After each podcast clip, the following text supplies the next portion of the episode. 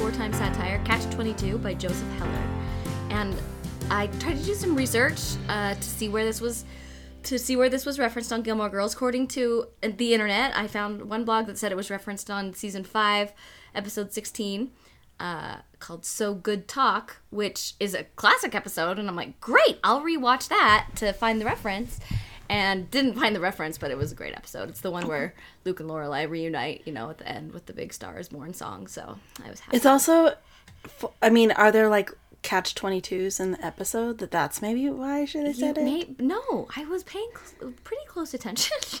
Like they just say it in conversation or just like the, or yeah like uh, there's also lots of scenes set in the bookstore like nothing. I didn't see it like sitting in a pile of books. There was no reference to a catch 22 there was no reference to the novel catch 22 so that blog I, which i'm not going to cite because it's obviously incorrect said that's what it was. So if you happen to know dear listener the actual episode um, please let us know. But, but before we jump into our discussion on the inevitability of death and man's inhumanity to man let's talk about snacks so um, that's right it's friday night dinner time what are we eating ladies Well, I'm eating. Um, so we just ended. Well, yeah, we just ended November, yes and before that, we just ended October. And October happens to be one of my favorite months at Trader Joe's. So I'm eating some of their pumpkin Pop Tarts that they only sell during the month of October. i didn't know there was such a thing Oh, they're so good. I buy everything seasonal at Trader Joe's when October and December hit. Yeah. Oh, yeah. They do have some great seasonal treats, which we've discussed on this show in the past. But I, pumpkin pop tarts that feels very on brand for us. I know. I and was for like, Gilmore at Gilmore Girls, Girls, it's like the perfect snack for our for this podcast. for this podcast. Sure. Um, pumpkin pop tarts. Well, that sounds so tasty. Liz, what about you? Um, I'm just enjoying like various leftovers. Yes, Um, we I are. had- We're in the post Thanksgiving. yeah. Just Um, I just had some cranberry souffle that we ate at Thanksgiving, and you know, just Wow, that sounds fancy. it, it It's is- really It's really good. good. I too have been enjoying some Thanksgiving leftovers today, including some of the same very delicious cranberry souffle that our sister in law, Michelle, uh, makes every year, and it's delicious. But what I'm really enjoying is this Nutella cream cheese pie that Liz made for Oh Thanksgiving. wow, And decadent. it was very rich, and it is so good. And I God, felt like I was in the fridge. and I feel like the Gilmore Girls would really appreciate the um, the pie. There's lots of references to pie and um, and how we like it. So I'm having pie, and it is so yummy. And this is the most wonderful time of year where we just get to eat pie for five days straight. It's great. A bit about Catch 22. It was published in 1961 and is widely considered to be one of the greatest American novels we have, just period. Uh, as Christopher Buckley wrote in the introduction to the 50th anniversary edition, he says the phrase catch 22 has so permeated American language, or embedded itself, to put it in Desert Storm terminology, that we deploy it almost every day, usually to describe an encounter with the Department of Motor Vehicles. Its usage is so common that it's right there in the dictionary. Not many book titles end up being, sorry, unavoidable, catchphrases. It was written uh, by Joseph Heller, who was a bombardier uh, who himself flew over 60 missions in World War II. And um, he obviously used that uh, that that experience would inform his writing of his first novel and his masterpiece Catch 22. And I'm going to read you a short synopsis which I've taken from the publisher and it goes a little something like this. It says set in Italy during World War II, this is the story of the incomparable, malingering bombardier Yossarian, a hero, a hero who is furious because thousands of people he has never met are trying to kill him. But his real problem is not the enemy, it is his own army, which keeps increasing the number of missions the men must fly to complete their service. Yet if Yossarian makes any attempt to excuse himself from the perilous missions he's assigned, he'll be in violation of Catch 22, a hilariously sinister bureaucratic rule which is a man is considered insane if he willingly continues to fly dangerous combat missions, but if he makes a formal request to be removed from duty, he is proven sane and therefore ineligible to be relieved. So that's the general idea of the of the book and the concept um, that we're dealing with with Catch 22 and it had a pretty mixed reception when it was first published which I found really interesting. I found like reading about the history of it was really fascinating for me shocker um, but uh, some some found it Surprise, surprise. yeah. Uh, excuse me, I have um getting over still a bit of a about a bronchitis. So if I giggle too much, you guys I'll start coughing. So no making me laugh. Um And So, hold on, Sarah. sh- I'm so sorry you're sick. and it's oh thank you. Oh that's so kind. I really appreciate it. I was really Yeah, Sarah, I feel really, really bad that you're sick. No, I, this has been on going on a long time. I'm really sorry. so we will forgive your coughs, and we'll, I'll try not to be at all funny. Yeah, don't be at all funny. This is strictly serious business. It's Um, like a catch twenty two. yes. Like anyway, don't don't do it. Okay, as you hear me trying to control my laughter, it's like, or I mysteriously like uh zero out. Be- it's because I'm coughing somewhere on mute. Okay, but back to how the public received Catch Twenty Two when it was first published. Uh, some found it shocking and offensive, and others challenging and brilliant. And I found this really interesting piece that was published in the New York Times um, by John Aldridge. Uh, it was in 1986, and it was written on the occasion of the book's 25th anniversary. And he kind of nicely summarizes its legacy, um, like initially. He says, looking back today at Catch 22, which was published 25 years ago this month, we are able to see that it had a rem- it has had a remarkable, if not altogether unclouded, literary history. It has passed from relatively modest initial success with readers and critics, many of whom liked the book for just the reasons that caused others to hate it, through massive bestsellerdom and early canonization as a youth cult sacred text, to its current status as a monumental artifact of contemporary American literature, almost as assured of longevity as the statues on Easter Island. I mean, that's pretty impressive to gain that legacy over just 25 years. Um, and so it leads me into our first question that we always like to discuss here. What did we think of it, Liz? Um, I liked it. It was actually a book I hadn't read um, in school or anything, so it was um, my first foray into reading it. And um, I mean, from the from the beginning, it's funny. It's very funny, and the way it's written is funny, but it's jarring how like the subject matter of it isn't funny, really. But um, it's just I I was struck by just some poignant parts of it, but also just the tone and the what it was trying to accomplish, and it was just a unique reading experience. Anyways, I'd probably give it a four, but yeah, I can. That's where I'm at on it. Okay, that sounds good. That sounds good. Aaron, what about you? I find myself constantly in turmoil when I have to rate these books because I understand and usually while I'm reading them appreciate the like significance of the books and why they're on the list and why they have become part of our pop culture. But many times I just don't like them. And if I and this is one of those books where I get it, I know that it's important and I can see that, but I didn't like reading it. I just didn't. And I don't know that it's anything in particular. I just didn't like it. So, in terms of like rating it, if we're going off of pure likability factor, I'm going to give it like a 2. Okay, that's fair. If you, it's it's not the easiest book to read. It's very Yeah, non-linear, so. that. yeah. But that's probably I don't even know if that's why you didn't like it, but like it's just not the easiest book to read, and lots of reasons for lots of reasons. Yeah, I myself, I had a hard time with this one too, um, because Aaron's right. It's not easy to read. It's um, That's what I said.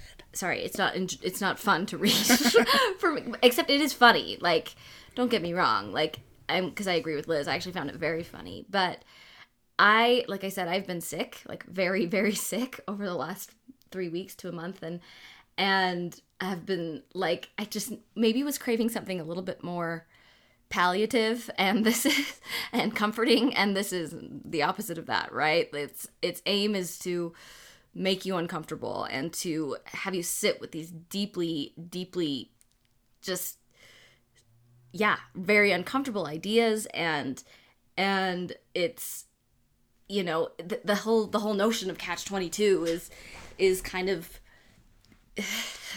language that's kind of messing with your head, you know what I mean? And so I think that the whole tone of the book was a hard it was hard for me to be like excited to read it because I just all I wanted to do was sleep and take cough medicine and other stuff. So I I, I had a hard time um like diving in and really immersing myself and enjoying the reading of the book. That being said, I was really impressed with the achievement that it is, like the literary achievement that it is. Like Aaron's is maybe one kind of Yeah, like, that's how I felt.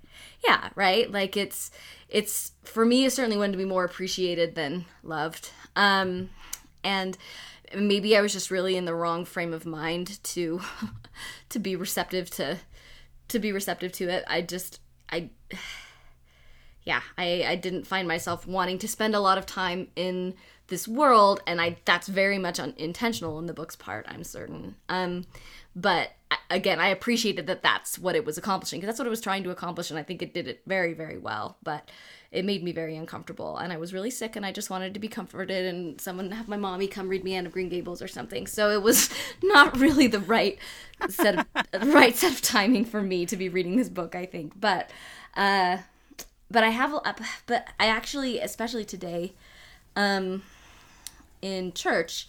It's a Sunday. We went to church today, and um, I was thinking a lot about some of the ideas in this book and kind of how they have resonated with me as I think about it through like a perspective of faith and things like that. So I, it's been sitting with me, and I've been thinking a lot about it, but but yeah so rating wise i guess just like out of just impressed that of the achievement i'm gonna give it like a three and a half but i actually really didn't like reading it so But I'm just curious, did you guys finish it? i didn't finish it Yeah, I did. But uh, again, like I read it a couple years ago and just thought I don't ever need to read this again. sure yeah i can't see this being one that you would want to like be eager to jump back into and reread for this i don't blame you at all Yeah, like the satire, like there are different kinds of satire, right? And some satire is um like funny and lighthearted. This was satire that felt very like ironic and kind of cold and heavy. And like he's making uh, to me it felt like he was making a very very pointed statement about um, the experience that these that these airmen were going through. And I appreciated that and you know, I was impressed with his ability to do it, but it's not something that I would like dive into for light reading. Um, now, on one of my coworkers, I told them that we were gonna that we were doing this book today, and he he was like, "Oh, Catch Twenty Two is like my favorite book." And I was like, "Oh, well, cool." like yeah again i'm really was i was mar- i just marveled at like the the technical achievement of it because it really is i mean i don't i, I like eh, all encompassing but in just like this really disorienting disjointed way. I heard it i read it described as like kafka-esque right? And that i felt like that was uh, a, a good descriptor. You know we it's just it's the tone of it and the and the the structure of it it's really it bounces from like one thing to the next thing to one story that's not the the plot is really non-linear. If there can you if you can even describe it as a plot it's kind of this impressionistic piece and the impression that it's painting is There's a plot. It just isn't. Yeah, yeah. It doesn't follow the typical plot structure, but there's a plot. yeah, yeah i i mean yes there is but i would I mean, I would say that it's to me it's more just like it's the experiences of this this airman and his his grappling with with his grappling with his experiences in the war and as subject to this bureaucracy and um and the plot I think is like the which again you come to non-linearly is you know his, his kind of his humanity and how he's striving to hang on to his humanity throughout this experience. well, his life, like not even just his humanity, but like he wants to both, survive, right? Yeah. Like, well, that's the whole point, right? Is he's he's doing whatever he can do to stay alive and um and realizing that he's trapped in this system that doesn't care if he survives. that doesn't care if he survives at all and and that I mean, they do, but they don't. they don't. Yes. we, we can talk about that. One, one thing I wanted to um, that that jumped out at me, um, really as I as I read it was how unique th- this tone is for a novel about World War II. You don't hear people don't even just for let alone a novel, but even how people talk about World War II. It's tend you tend to talk about it in much more reverential tones, right? Like we can all understand and appreciate the rightness and the justness of this cause and of this war and what we're doing here. And um and the fact that that Heller came along and he wrote this book that is essentially you know highlighting the absurdity of it all and the like kind of the sick inhumane like bureaucratic structure that is that is victimizing these these you know men that we would call heroes in in other contexts. I think it was we're t- we're, we're used to war war stories and war narratives as being you know ennobling and honorable and epic and this is just so like nonsensical and kind of zany and it's just such a different and just Well, and the, so there, there's no enemy. comic. yeah Like they, I mean, they never really mention like who they're fighting. They never mention the Well, like. Sarian does, but yes, I, I think the larger point, the enemy is is the bureaucracy itself, and not Well, yeah, yeah. I think that's the whole point. Like, Yeah. yeah. Well, so it, so it does take place in World War II, but it could take place in any war. Yeah. Like it isn't. It's not an isolated World War II novel for me.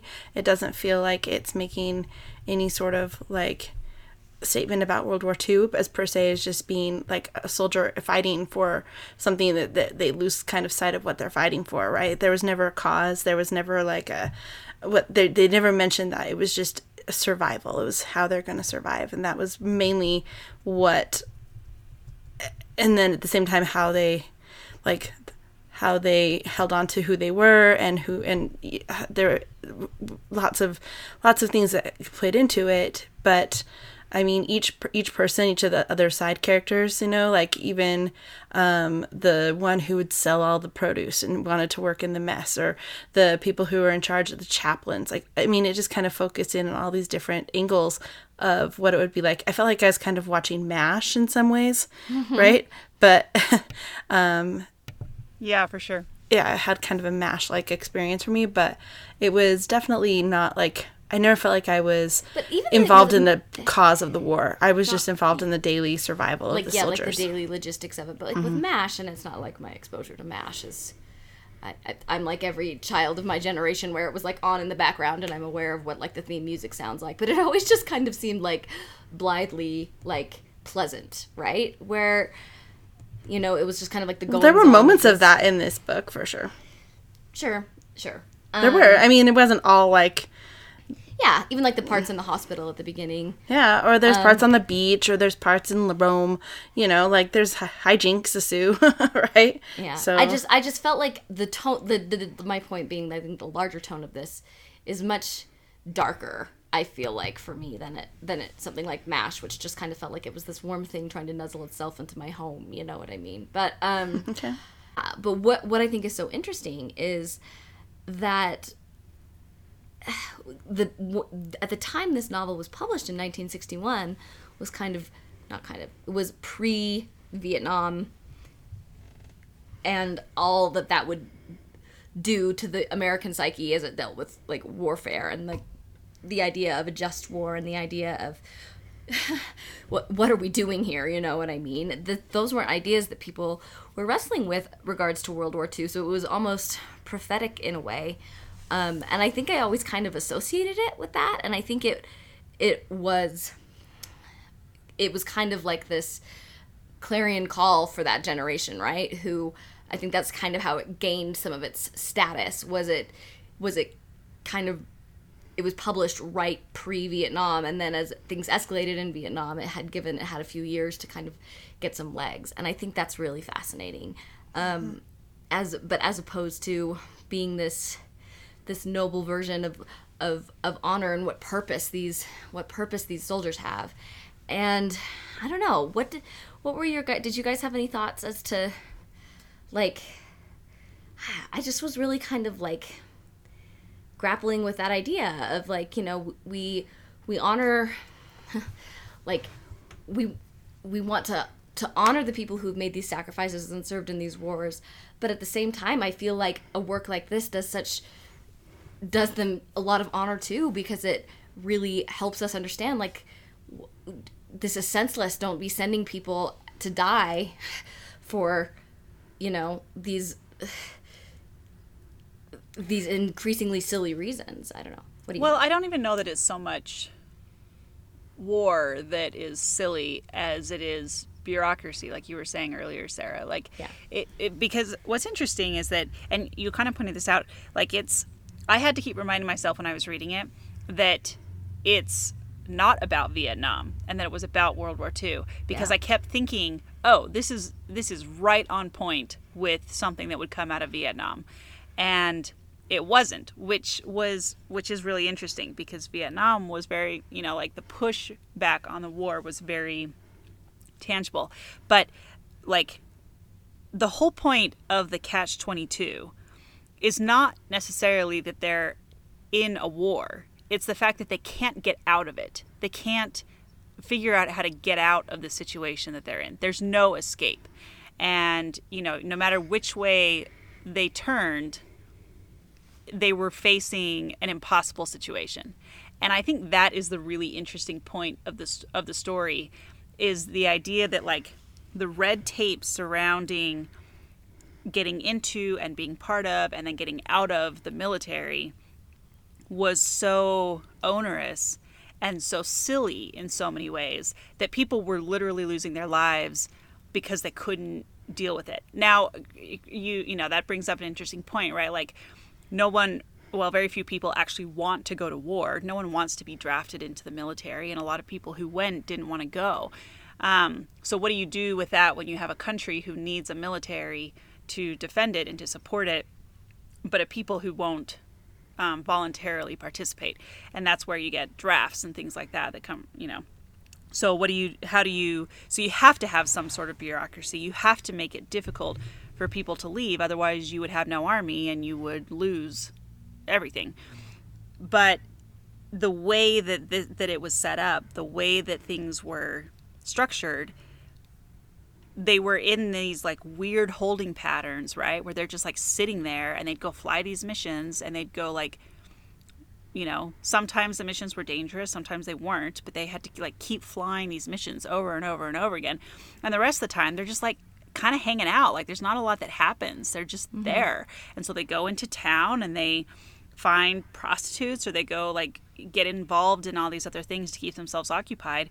And that's that's it. That's really all they have Yeah. that they're dealing with. Yeah. So I don't know. I think I think it's not even so much an anti-war novel as it is an anti-bureaucracy novel, and I think that's really fascinating. But I think um, his Yossarian's um, he he's he witnessed a like a mission gone bad, right? And his his people in the plane with him had died, and he was really suffering from some like PTSD, and so the fact that he had to just keep going with that was really where it, it was darker, right? Like it's not that he's he was not mentally equipped to do it anymore, right? That there was just like a point where he wanted to go home. He wasn't saying he wasn't. Like he was there was there was something that he was dealing with and he didn't know how to deal with it. And so like to me I was struck the whole way through once you realize what he's really trying to do, it's not really that funny. Like he's trying to save himself. He's just not he doesn't feel it anymore. Like something died inside of him when he When- witnessed when he- what when that- from what he witnessed Yeah. and there's no Yeah. way that anyone who actually was in who was fighting in war hasn't al- also experienced that so i think that that's also probably a relatable like for people who i think served and served and dealt with these issues that that was something they probably could read and like find themselves in. Personally it's not something i see myself with so it's hard to it's hard it's, it's, it's hard to like know make that connection personally but i was rooting for him to not have to fly any more missions right? Like mm-hmm. that isn't that's that's an interesting take to take on a book in a fight when they're fighting a war right? You want them to mm-hmm. win the war not like i don't want you to have to fight more missions or fly more missions Well, and that's a really interesting point too, because when you first start reading it, you don't realize you're just kind of like, oh, he just like doesn't want to be there. Like, there's not a whole lot beyond just him trying to figure out how to get out. But as the story develops, mm-hmm. and then you and then you get the scene where they talk about how the mission went bad, mm-hmm. and you realize, oh, this is totally different. Like for me, that was a big transition moment where I realized, oh, he's going much deeper here than I thought he was, Yeah. and he this is taking on an entirely new level at this point. And then and that's when I started to feel a lot more like not compassion, but just like, oh, I get it. I get it. And I get what he's trying to do. And yeah, so I thought that was actually like very artfully done the way he did mm-hmm. that. Well, and then the people like the now I don't have the name in front of me. What's the command? What's the general's name that comes in like halfway through the book and starts to like just up all the missions, like changes everything. He's like, oh, now you get to go on 54 missions, and now you get to go on 60 missions. And like, he didn't even know the region, he didn't know the area. Like, he was looking at maps and was just like, oh, I think you're supposed to go here. Like, he didn't know he was in charge and boss telling him what to do, and they had to listen to him, but he didn't know what was going on. And it, Was it Scheisskopf? yeah, no, no, which that's a funny name. I know. I know. There's so the names are so funny. Um, no, I don't think it was him. Who was it? What's his name? Like I, I'll be honest. I read it like a few weeks ago and have read several books since. So I now don't have the characters' names in my head, and as, as I should. It's and just I should have incredible. a list posted since. Uh, but um, anyways, I just remember being struck by like how the person you're supposed to be like revering and holding up as your commander, like you're saying, the bureaucracy, your the bureaucracy is the enemy here, right? He's the bad guy. He's the one that like we're supposed to look at and think, "Ugh, I hope he you know, something bad happens to him, or I hope not that. That's not really what I was hoping, but I just hope that like they can get away from him and that he can stop doing what he's doing because he was the definite like bad guy of the whole thing, I guess. So So I guess what I was trying to say before, um, as far as it being like an anti-war novel, is because I do think, um, it doesn't glorify the war experience, right? It, do, it is that that's exactly right. It's Yeah, like it's yeah, not for a, sure. it's not about it's it's not you know this grand and glorious romantic vision of why we're engaging in these struggles, which up kind of up to that point, at least up through World War II, World War II generation, people maybe more World War One, but like you know people engaged with war and i should say men because that's what i wanted to get into like this and and something i was thinking about too as i was watching um we watched the irishman uh this week it came out and um which is all about jimmy hoffa and the mob and and and i was just thinking about that in terms of like these men that come up with these systems, right? That are doing like there's no women in these stories. There's no women, and these are supposedly There was a nurse. Sorry, there was a nurse. Sorry, yes, there was a nurse.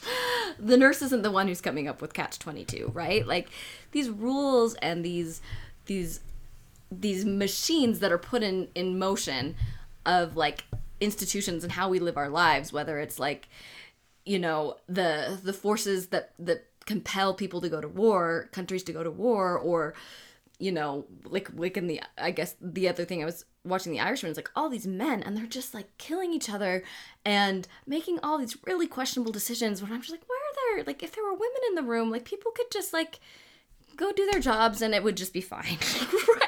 I don't know. I just I part of me I'm not I'm I'm not articulating it really well. But So I do war is bad. Women no, shush, are shush, good. Shush, shush, And- shush.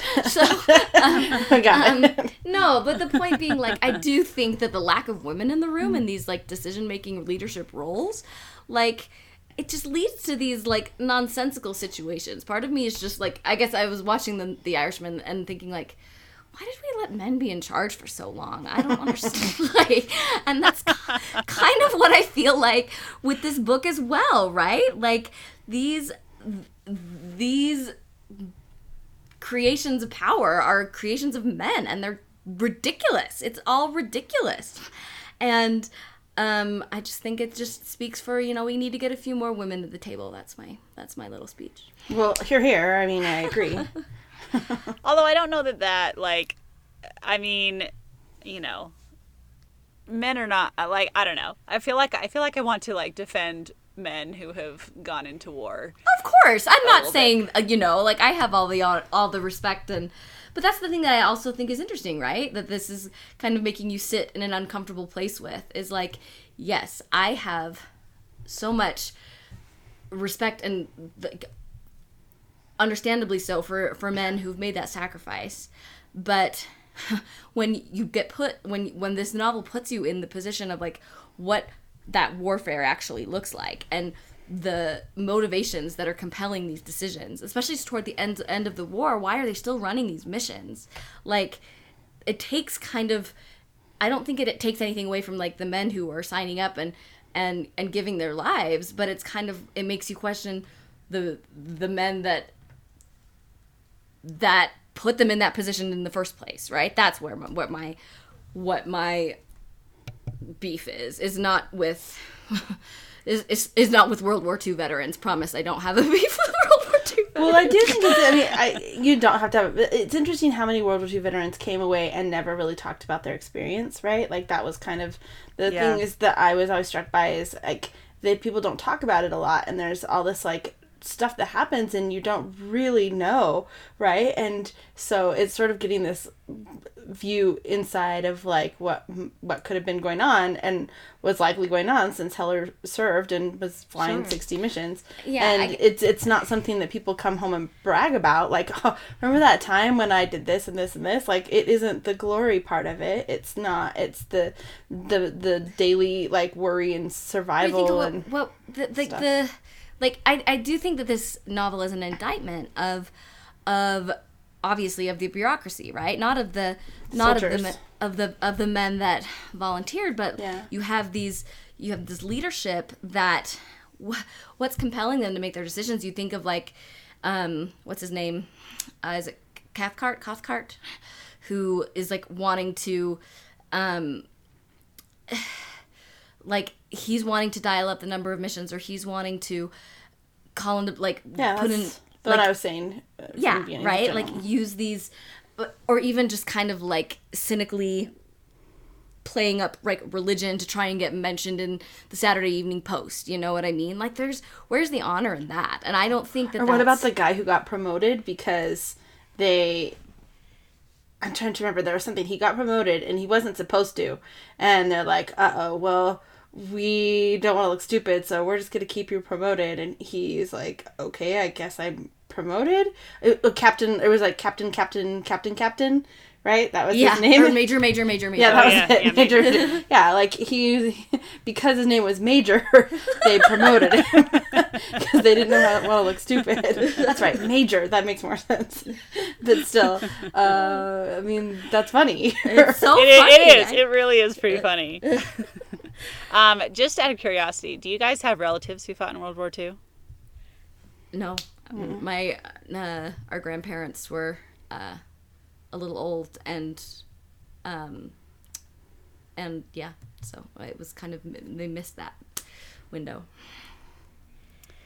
Um, yeah, my both of my grandfathers did. So my um, my maternal grandfather was in the Navy, and he was stationed in Guam.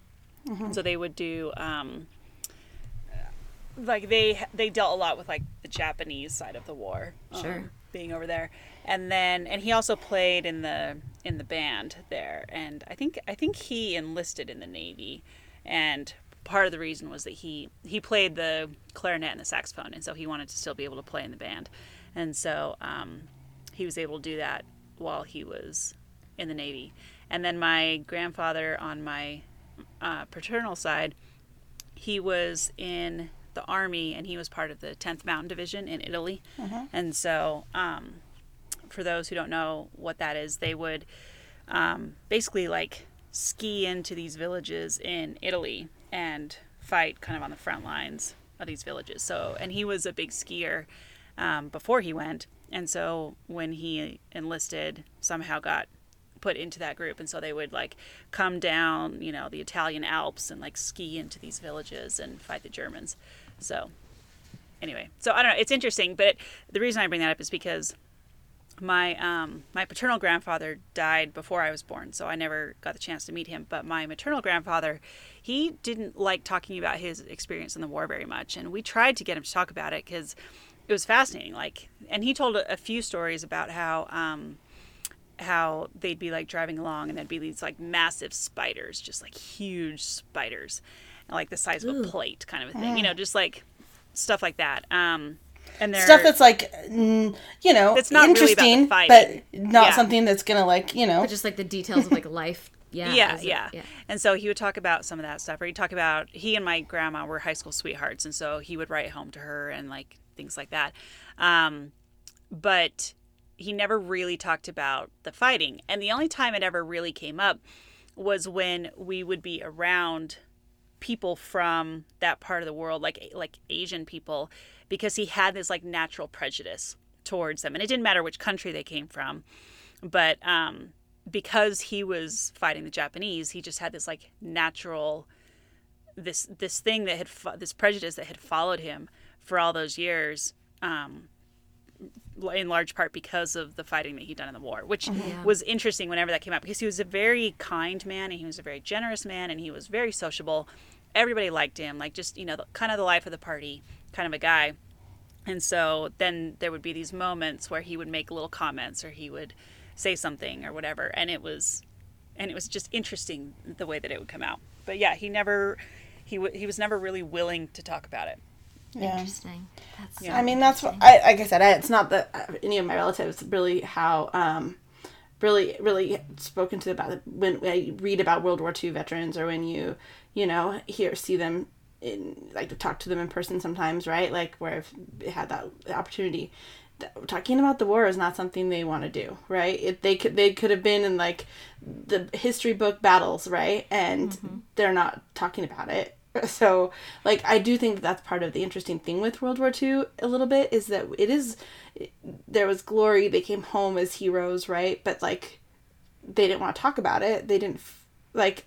It's hard. It's hard to separate like what that must be like to from like what it really is, right the experience of yeah because I, th- I think that's so hard because i think there is heroism and there is Yeah. sacrifice and duty for a country and that is a an important and sacred thing but then i think that this is just as real too as you get out there and it's just nonsense. What are we doing here? Why are we doing this? I don't know these people. Why do they want to kill me?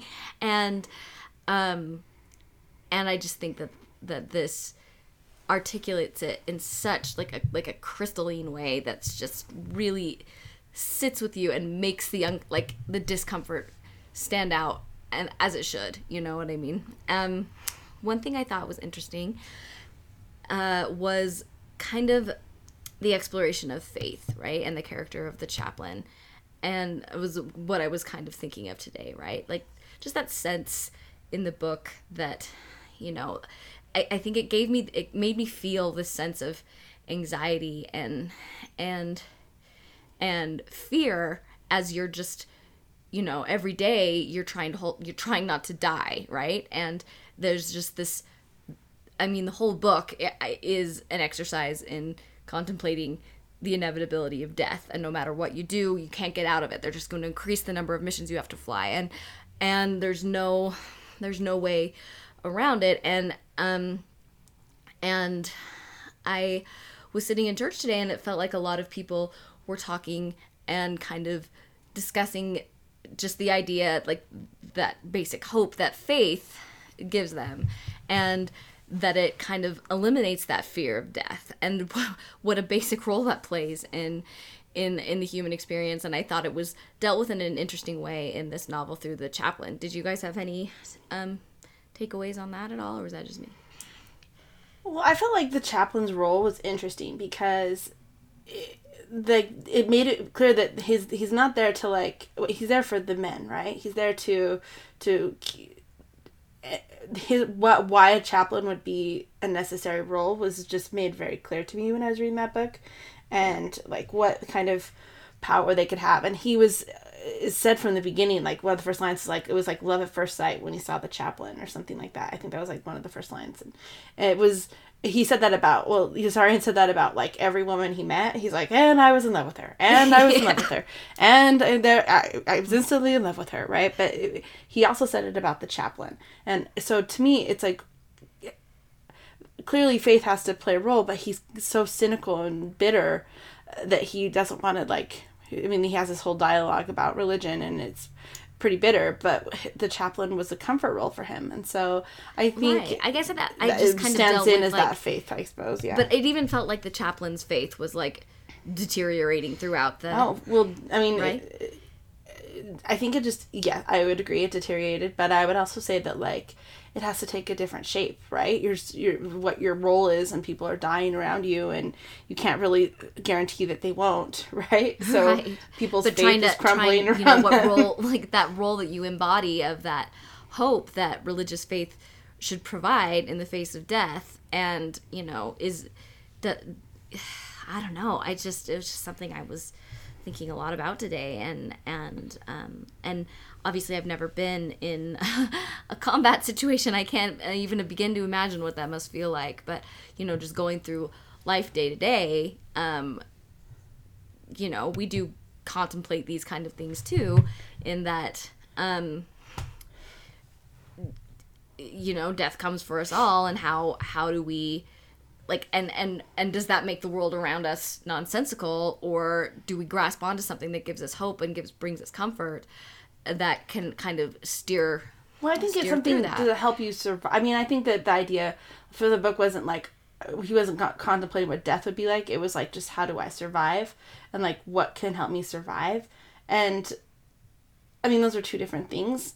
And Yeah. so, I mean, I feel like he wasn't using faith to help him survive in any palpable way, really. But he was. But do you think that the book was commenting that like that was a possibility that like that was an avenue that wasn't being used, or that was just like it was was it a, was the book a cynical look at being like that's this is this is nothing. This is this provides no comfort in the face of these kind of the, these kind of circumstances. I'm just um, curious if you guys what you guys thought of that. I don't. I mean, I don't know. I mean, like I said, I felt like the chaplain served more of like a comforting role, and whether he was a symbol for that, but I don't really felt like they got into like the the role of God or the role of like what. No, I agree. I don't think they did. Um, but but I feel like the fact that they didn't, but you still have this chaplain there. I don't know. It it to me it kind of spoke like the absence of it spoke loudly too. I don't know. Well, I think that anytime you like I mean, anytime you're in a situation like that where you're facing death, you are going to be thinking about religion, right? You're going to be thinking about like what comes next and what happens if this ends now and here. And it it forces you to conf- to confront that. And that's whether you're, you know, facing staring down death on the front lines of a war or whether you're just, you know, in your 90s and your body is giving out on you you know wherever it is i think everyone everyone is going to have that moment where they have to confront that. But it is interesting that uh, like sarah i think your point is interesting where you know his Yossarian's whole point was about survival and survival it was like he wanted religion to help with that as much as it could help him just to survive. Like it was a tool a means of survival, not necessarily like, you know, for a lot of people, religion is a foundation of their lives and it, it fuels everything they do. It motivates all of, you know, or most of their actions.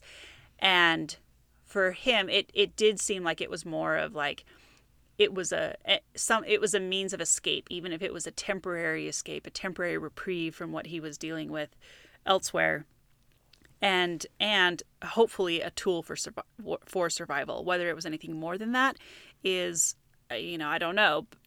It didn't really seem like it, but it that it just creates an interesting tension on it, right? That like he's so desperate to survive in a sense that he's he's looking everywhere he can, and religion offers him at least some sort of um, temporary relief and comfort there.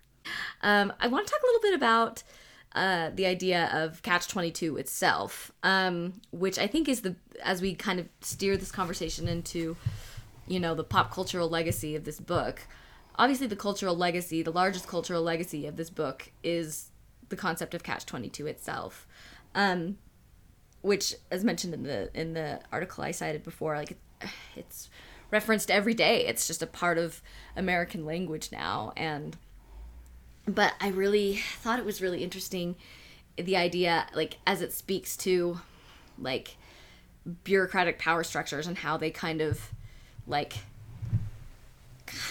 like bureaucracy and language kind of coming together to keep keep the keep keep a man down you know what i mean? The idea of being like a you know you can't get a loan unless you can demonstrate that you don't need a loan and uh, or whatever. Did i say that wrong? You know what i'm saying. So um and, yeah i mean there's lots of examples where it comes through and just like the the redundancy of something, right? Or not right? redundancy, but just like the ridiculousness of it all.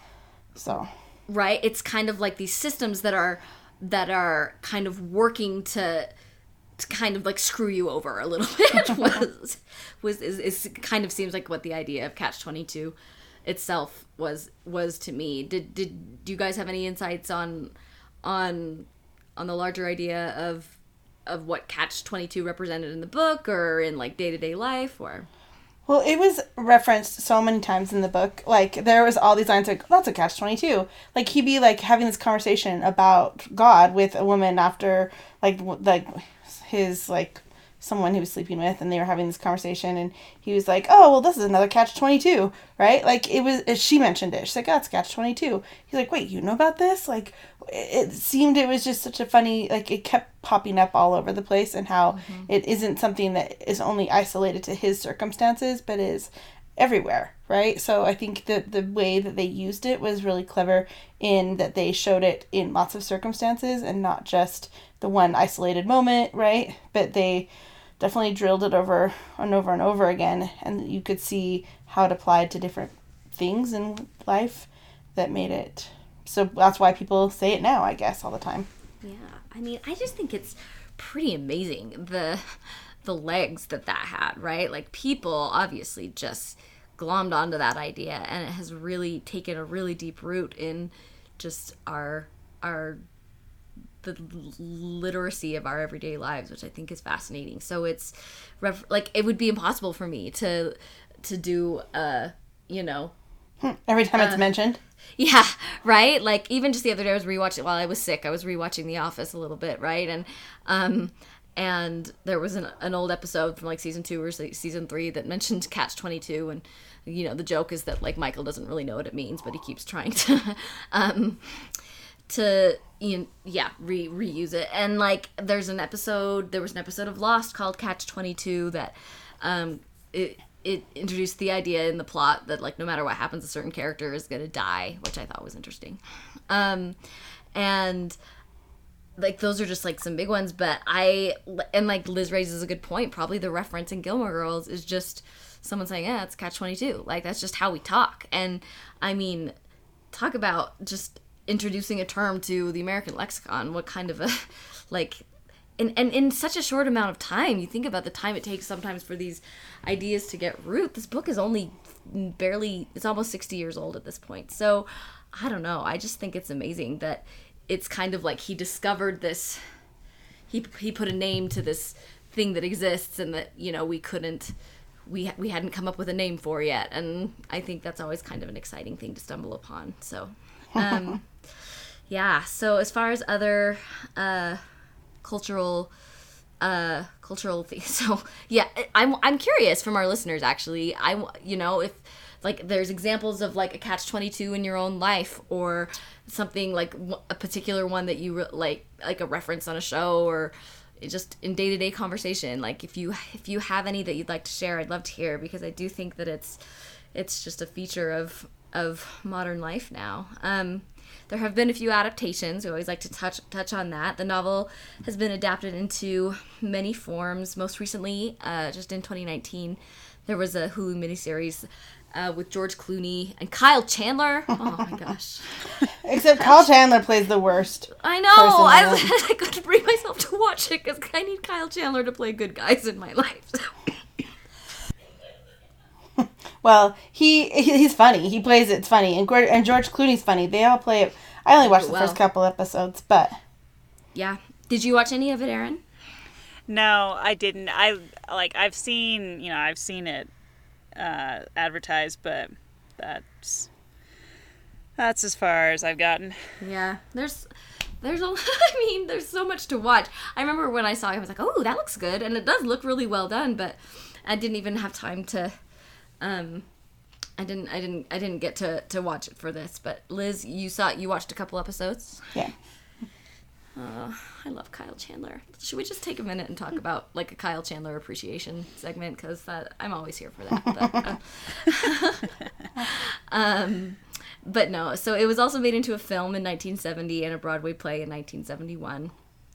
And I mean, it's there's songs and and uh, my favorite there's a there's an a there's a band an American ska band called Catch 22. Um, Of course there is. and yeah, because because we always need an excuse to play a little ska here on Reading with Rory. We gotta play a little bit of of their most popular song. They actually have on Spotify. It's like 11 million streams. They're pretty popular. I'd never heard of them before. Yeah.